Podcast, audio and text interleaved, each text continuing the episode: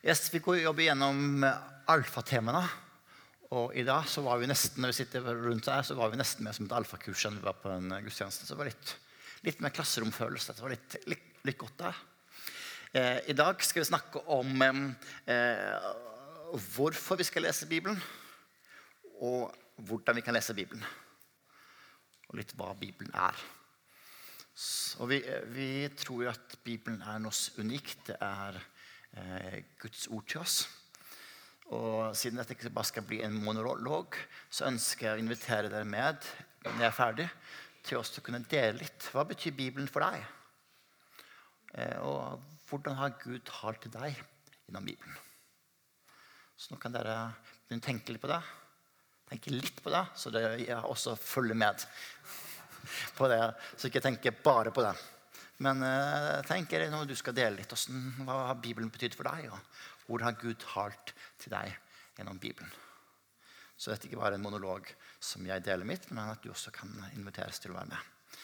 Litt alfakurset er litt tanken at man blir engasjert. At uh, Det er jo derfor både sosialt, det er eh, undervisning. Så deler vi opp i grupper der alle skal få lov å kunne komme sitt og delta. Uh, og diskutere ting. Og der alle spørsmål er lov. Eh, Bibelen er en veldig unik bok. Eh, en av verdens mest populære bøker. Den mest leste, mest solgte. Eh, selger så over 100 millioner eh, eksemplarer per år. Og no, eh, kanskje den mest oversatte boken i verden. Finnes på over 2000 språk. Den har vært en bestselger. Så den har eh, den er unik sånn sett.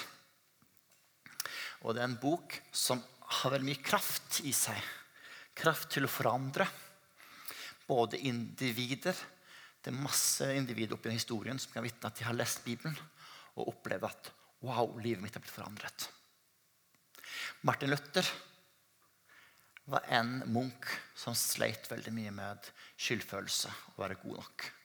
Så leste han Bibelen om rettferdiggjørelse og oppdaga at livet hans ble snudd på hodet. Så masse individer har blitt forandra av å lese Skriften, men også samfunn. Hvis jeg tenker på vårt vestlige samfunn, så tar vi for gitt at uh, en lærer å lese og skrive. Men det var ikke en selvfølge for 500 år siden. Da var det bare noen få som leste og skrev. Men med reformasjonen så var tanken at Bibelen skulle ut på alle språk. Og folk skulle få tilgang til eh, Guds ord. Og Da ble den oversatt, og den ble trykt opp. Men det hjalp ikke så mye hvis ikke folk kunne lese. Så hånd, hånd i hånd med det så eh, utvikler man skolevesenet. For, å, å, for å kunne, at folk skulle få lese Bibelen. Og eh, vi har oljen i Norge som har gjort oss rik. Men det som er enda dypere, som har gjort vårt samfunn og Europa rikt, er egentlig at lesekunnskapene er som en grunnlag i hele, hele vår vestlige verden. At folk har eh, skoler har eh, blomstret opp. Og det er en del av Bibelens innflytelse og reformasjons innflytelse. For alle måtte få tilgang til Skriften.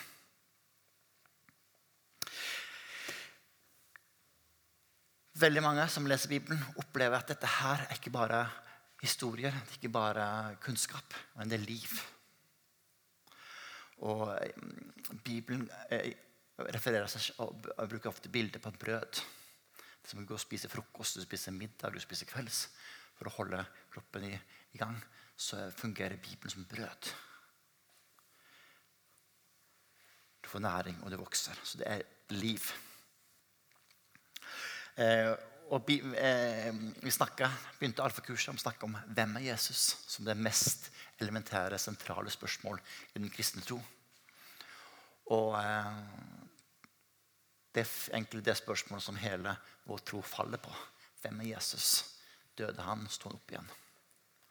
Og Bibelen er en uh, unik vitnesbyrd om hvem Jesus er. Så for å finne ut av det, så er Bibelen viktig. Hva er Bibelen? Bibelen er en bok, men det er veldig mye mer enn en bok. Vi kan nesten si at det er mye mer, nesten nærmere en bibliotek. For det inneholder egentlig 66 bøker.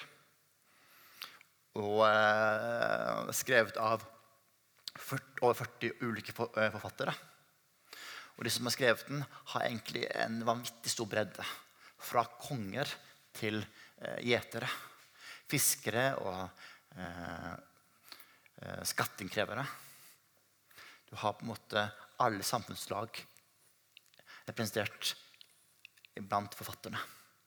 Prester og profeter. Og de har, eh, Boken er blitt til i løpet av ca. 1500 år. Så det er en vanvittig lang historisk periode. Og blitt til under ulike kulturer og empires, altså store eh, empirer. Eller hva sier man på den? Riker, ja. Du har vært eh, en del ting i store egyptiske riker. Så har det blitt til under Syria, under Bab babylonske riket, under persiske riket. Det er ikke mye som ble til under greske perioden, men den har veldig innflytelse på den kulturen som kom senere, under Romerriket. Så det er mest som så mye av vår sivilisasjonshistorie er, er, er, blitt er her Bibelen beskrevet. Allikevel så er det en vanvittig rød tråd som går gjennom alt sammen. Og det er ganske eh, fascinerende. For hadde jeg og en eh, vi kan ta på en måte Jeg og en russer og en, Japan, en fra Japan og en fra India skulle skrive noe sammen. Det skulle bli ganske forskjellig. Selv bare ulike folk her i Mandal som skulle skrive en bok sammen, skulle være ganske stor bredde i ting. Men her så er det en vanvittig rød tråd som går hele veien. Og gjør boken veldig unik. Og vi, vi tror at det er Guds ord. Og hva betyr det? Det betyr at Bibelen er inspirert. Det betyr ikke at Bibelen er mer som kommet dalende ned fra himmelen som diktat. Bibelen er på samme måte som Jesus så er den både 100 Guds ord, men det er også 100 menneskelig. Og Det er ikke sånn vi kan skille dette fra Gud, dette er menneskelig, dette fra Gud, dette er menneskelig. Men alt er på en måte flyttet sammen. Gud bruker mennesker og den historiske situasjonen de er i, til å formidle sin sannhet.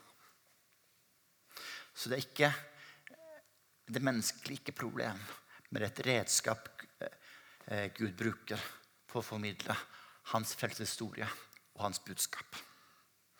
Så vi trenger ikke på en måte prøve å plukke fra hverandre hva som er fra Gud, og hva som er fra mennesker.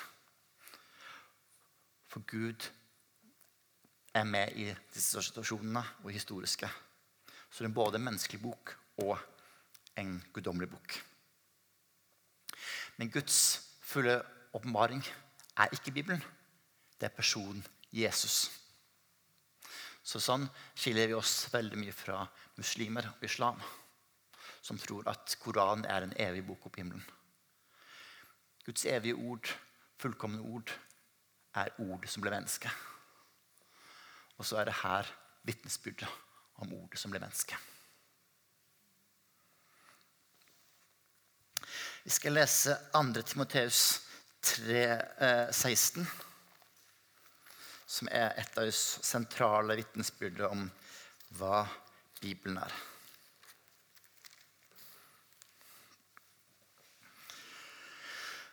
Andre Timoteus 3, 16 og 17. Hver bok i Skriften er innblåst av Gud og nyttig til opplæring, tilrettevisning, veiledning, oppdragelse i rettferd. Så det mennesket som tilhører Gud, kan være fullt utrustet til all god gjerning.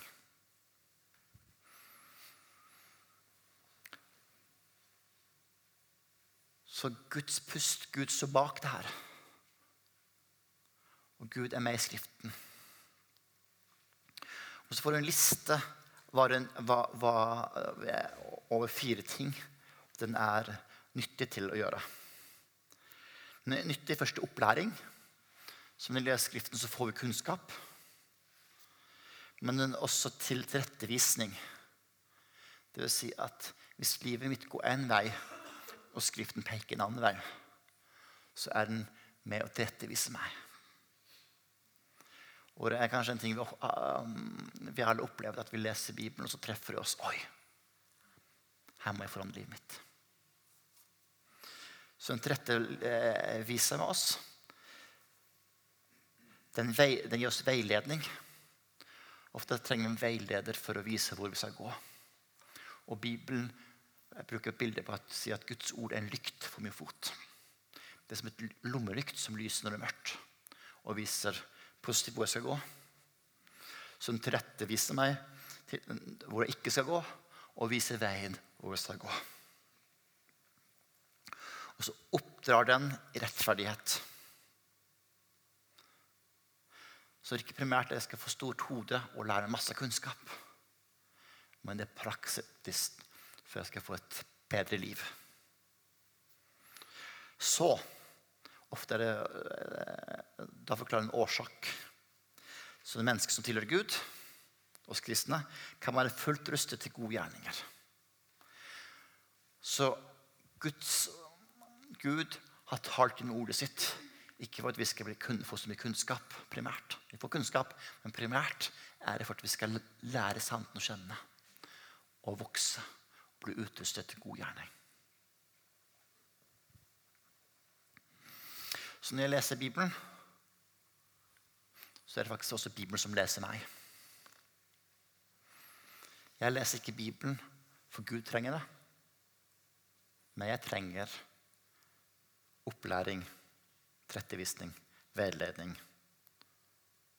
oppdragelse, rettferd. Jeg trenger brød og spise mat. Jeg trenger Guds ord for å vokse. Og når vi studerer Bibelen, så vil vi ofte oppleve at det, hvis vi leser med um, hjertet, så vil vi oppleve at det stadig er en litt konflikt mellom hva Bibelen sier, og hva mitt liv. Og da er spørsmålet hvem får autoritet? Setter jeg Bibelen over mitt liv og lar den tale inn i livet mitt? Eller setter jeg meg sjøl over i Bibelen og Dette liker jeg ikke, dette liker jeg ikke, dette liker jeg ikke. Så da, har jeg autoritet over Bibelen, eller er Bibelen for autoritet over meg? Det er regler i, i samfunnet vårt. Trafikkregler og ting og tang og masse regler. Norges lover er faktisk tjukkere enn her. Men de lovene det gjør, setter oss faktisk frihet. At vi lever i en rettsstat. Når jeg kjører på, på veien hit, så måtte jeg forholde meg til masse regler. Vikepliktsregler og fartsgrenser og sånt. Men det gjør at jeg får mye mer frihet og trygghet. Skulle alle kjørt, på, kjørt som de sjøl ville, hvilken side av veien de sjøl ønsket, og det ikke var noen regler, så skulle det ikke være mye frihet i trafikken. For da skulle vi ikke turt å vært der. Så samtidig sånn at Bibelen gir oss Gud lyser opp veien, setter oss og gir oss, viser oss hvor vi skal gå, så gjør det frihet. Jeg liker å eh, være på sjøen. Og da, eh, rundt Tjernøy er ganske kjent, så da bruker jeg ikke så mye sjøkart. Men eh, når jeg går lenger bort, så må jeg bruke sjøkart og se hvor eh, det er skjær. Og mange av de skjær ser jeg ikke hvis vannet er flatt. Men det er veldig viktig å vite hvor de er. Og eh, kartet hjelper meg å, å, å redde båt og propell og sånt. Jeg har noen ganger eh, En gang nå sist sommer så var jeg litt uforsiktig der og ikke fulgte kartet. Og da gikk jeg på det skjær. Sikkert flere. Og kartet ikke for å skade meg og gjøre livet på, sjøen kjedelig og vanskelig. Men sjøkartet er der for å hjelpe meg å komme trygt fra A til B. På samme måte er Bibelen der for å hjelpe oss i livet å komme fra A til B.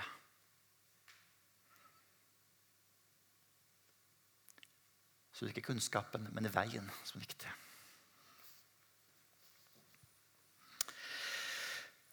Samtidig så er Bibelen en ganske utfordrende bok. Og det er en del vanskeligheter i Bibelen. Det er en del ting som kan nesten virke litt selv, selvmotsigende i første blikk. Og dette er en ganske tøff bok. Begynner vi i begynnelsen å lese, begynner vi å lese første Mosebok, så kommer vi først til eh, første kapittel leser om en skapelsesberettelse. Hvordan Gud skaper verden på seks dager, og så hvilte han. Ok, er det sånn det er? Og så kommer vi til kapittel to, og så møter vi en ny eh, skapelsesberettelse som er annerledes. Og da begynner spørsmålet hjelp. Dette var jo vanskelig. Så det, er mange ting som er vanskelig i Bibelen. Og den utfordrer oss. Og en del ting må en jobbe med og spørre hva ønsker Gud å si. Når jeg var ung kristen, syntes det var vanskelig med disse selvmotsigelsene og disse tingene. Og hvorfor to ulike skapelsesberettelser. Men nå syns jeg det er fantastisk. For den ene viser Guds storhet. Og den andre viser Guds nærhet. Så å summe av det viser hvem Gud er.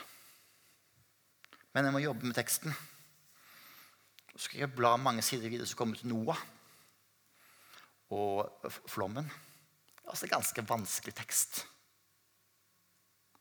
Det er litt uh, morsomt for alle barnebibler. Det er mer som der du begynner med Noah. Utryddelse av menneskeheten, bortsett fra syv. Det er mer som det trenger fire-femåringer å få innføring i. og sånt da. Så kan du ta evangeliet senere. Uh, men, det er faktisk morsomt. Den historien skal vi ha, frem der. Og, det er klart, det er vanskelig, og vi må jobbe med disse tekstene og spørre hvorfor. Hva ønsker Gud formidle? Og det er mye rart med, i Gammeltestamentet med kriger og masse lover. og sånn sett. Men veldig mye av det her er fornuftig du, hvis du har jobba litt med teksten. Og det fins svar på mange spørsmål. Og der, eh, En norsk ressurs som er veldig bra, er faktisk eh, demarius.no. Har masse, Gå gjennom disse tøffe tekstene. Det fins mye, mye, på YouTube der og um, videoer. Der egentlig forklarer oss igjen mer helhetsbilde av ting gå gjennom den bjørnehistorien, Hvordan noen bjørner går ut og dreper noen barn. og sånt. Det er en del tøffe, tøffe tekster. Det, Damarius. Damaris. Damaris.no, ja. ja. Så det fins eh, mange ting som er vanskelig. Når du får jobbe med så, så er det um, faktisk ikke så ufornuftig. Men for folk som er uh, nye på veien, ikke begynn med første Mosebok. Begynn med evangeliene. Og så tar vi det vanskelig etter hvert. Men det fins svar på disse vanskelige spørsmålene. Eh, og hvordan leser vi Bibelen? En av nøklene å se at Bibelen er ikke en bok, det er et bibliotek.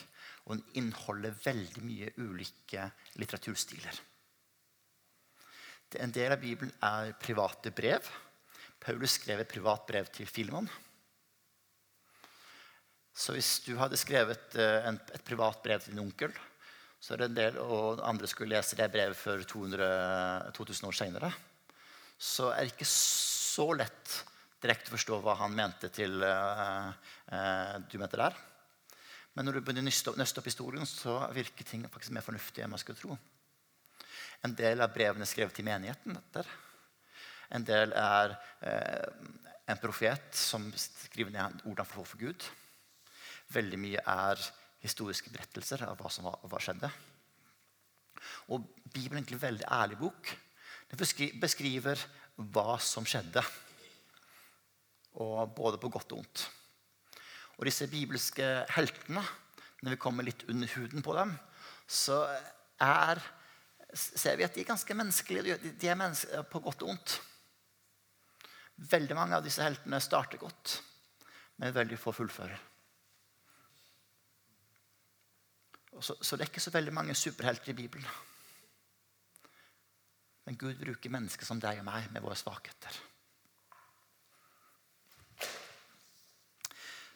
Så, så, Bibelen forteller ikke alltid hvordan ting bør være, men den forteller hva som skjedde. Og det er, og det er en veldig ærlig bok. Og det er nesten interessant disiplene når de egentlig har formidla evangeliet, hvor ærlig de sjøl har vært med egen svakhet. Og det gir egentlig tro, troverdighet. egentlig. Så Et av grunnleggende spørsmålene når jeg leser Bibelen, er spør hva, hva leser jeg nå? Hvilken type litteraturstil er det?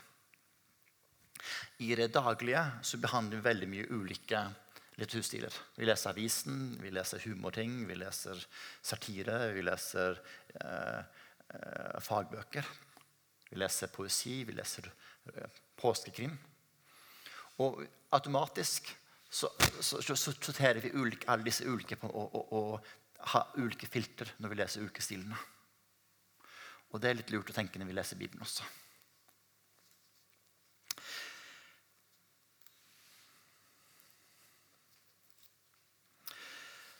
Så det er en bok, men det er en viktig bok.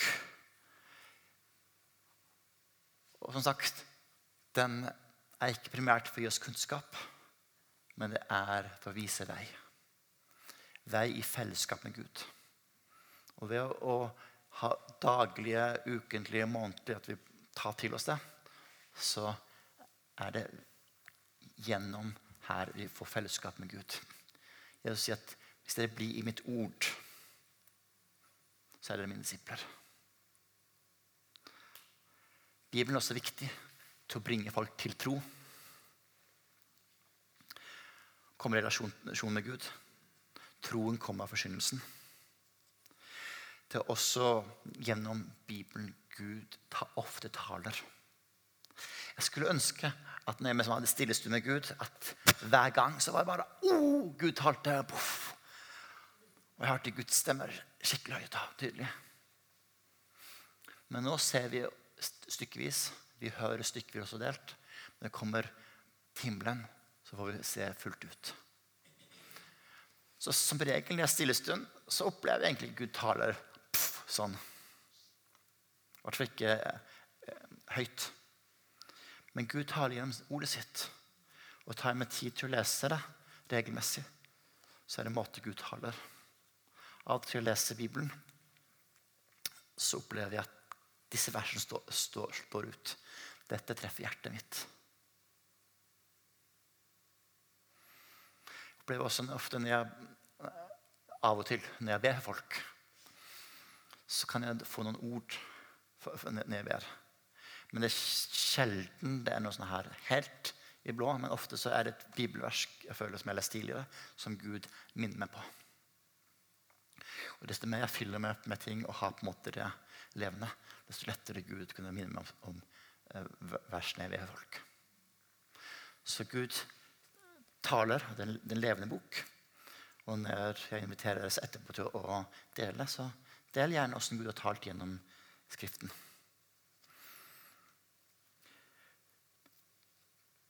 Bibelen er også med å formidle Guds nærvær, Guds kraft den levende bok. Og den eh, sammenlignes med et sverd. Når Jesus ble frista, så sto han i fristelsen at, og, og, og, og vant seier, for han visste hva Gud hadde sagt. Første fall i, hos Adam og Eva var at øh, djevlene kom og sa har Gud virkelig sagt. Når Jesus ble frista, kom han motsatt. Han sa det som skrevet så skrevet. Han hadde ordet, og det ble et eh, våpen han brukte i kampen. Og derfor så sammenligner Bibelen seg sjøl med et sverd. Troens skjold og ordets sverd. Så det er et våpen i, i kampen. Det hjelper oss å stå. Hvordan skal jeg få til det her? I en travel verden så er det ikke alltid så lett å få satt seg ned og lest Bibelen. Så en del av nøkkelen er å ha en plan. Sett av tid. Bruk tida vi har. Vi har Bibelen i bokform, vi har mobilen, du kan ha en lydbok. Alle som har uh, Storytale, så ligger den på Bibelen der. Alle som har uh, Spotify, så ligger det der. Bruk tida når man har en ledig stund. Så sett av, tid, ha en plan.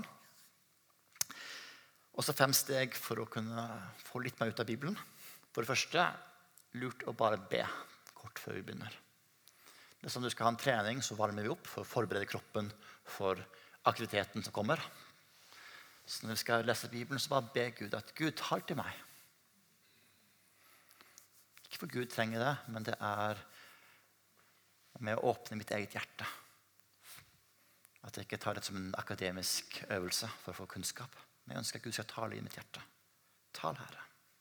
Din tjener hører. Så er det lurt å lese Bibelen. Det som er litt unik, er at når Bibelen, ble skrevet, så var det veldig veldig få som hadde en bibel i sin egen bokhylle. Den ble lest høyt. Og Vi er så heldige som har Bibelen overalt, men vi har mista noe med det. For du leser annerledes når du hører det høyt, enn når du leser inni deg. Du kan si at Når du leser inni deg, så leser du én gang. Når du leser høyt, så leser du tre ganger.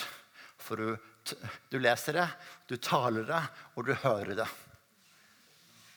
Eh, og Da er det faktisk lett, lettere å eh, få med seg hva som egentlig står der. Og Spesielt skriftstedet som du har lest så mange ganger, så er det lett å bare lese det så fort gjennom det at du ikke egentlig får med deg hva som står der. Så Bibelen ble skrevet for å leses høyt, og den ble skrevet for å leses sammen. Så eh, prøv å lese det som står der. Og Av og til kan det være greit å prøve en ny versjon for du, frem, du, du, blir tvunget til å stoppe litt mer opp og se hva som står der. Skritt nummer tre det er å prøve å observere hva som egentlig står der.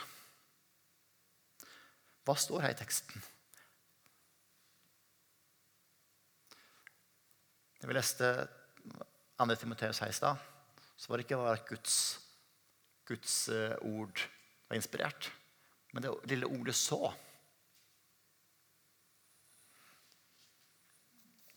det plutselig åpna opp at oi, alt dette er gjort så De Som tror skal bli fullt utrustet i all god gjerning. Så ofte er det en del småord som linker ting sammen. Så man da observerer dem, så får du frem nye ting. Observer hva står før og etter. Det var i sammenhengen. Det hjelper å bevege oss neste, neste ting, det å tolke før vi da tar ting oss rett ting til hjertet. Vent et lite øyeblikk med det. Spør hva betyr dette for de første leserne. Hva betyr dette for Timoteus når han fikk det brevet og disse ordene? Hva betyr dette for eh, disse som eh, hørte Jesus? Veldig mye av de forkynnelsene som Jesus kom med, ble talt ut. Hva betyr dette for eh, de som hørte på? En del lignelser som Jesus kom, talte. Noen talte han til disiplene. Noen talte han til folkemengden eller de som opplevde som syndere. Og noen var rettet mot fariseerne. Så hvem han var talte til, var betyr, teksten for veldig stor forskjell hvem han talte til.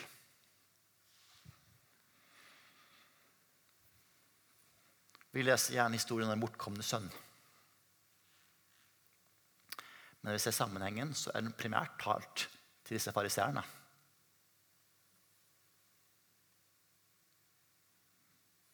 Så kan man spørre hvem, hvem, bort, hvem, hvem, er egentlig bortkommen? Hvem er hvem blant sønnene der?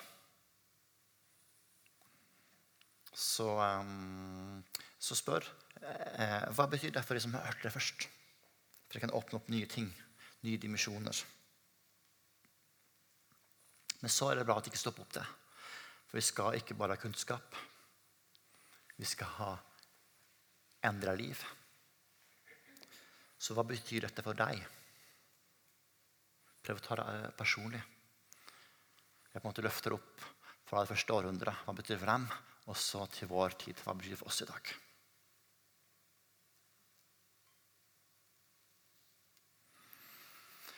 Paulus sier at kunnskap blåser opp, men kjærlighet bygger opp.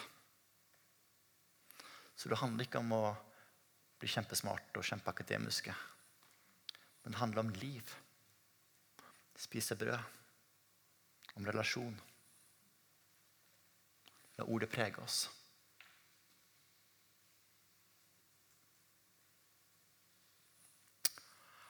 Amen.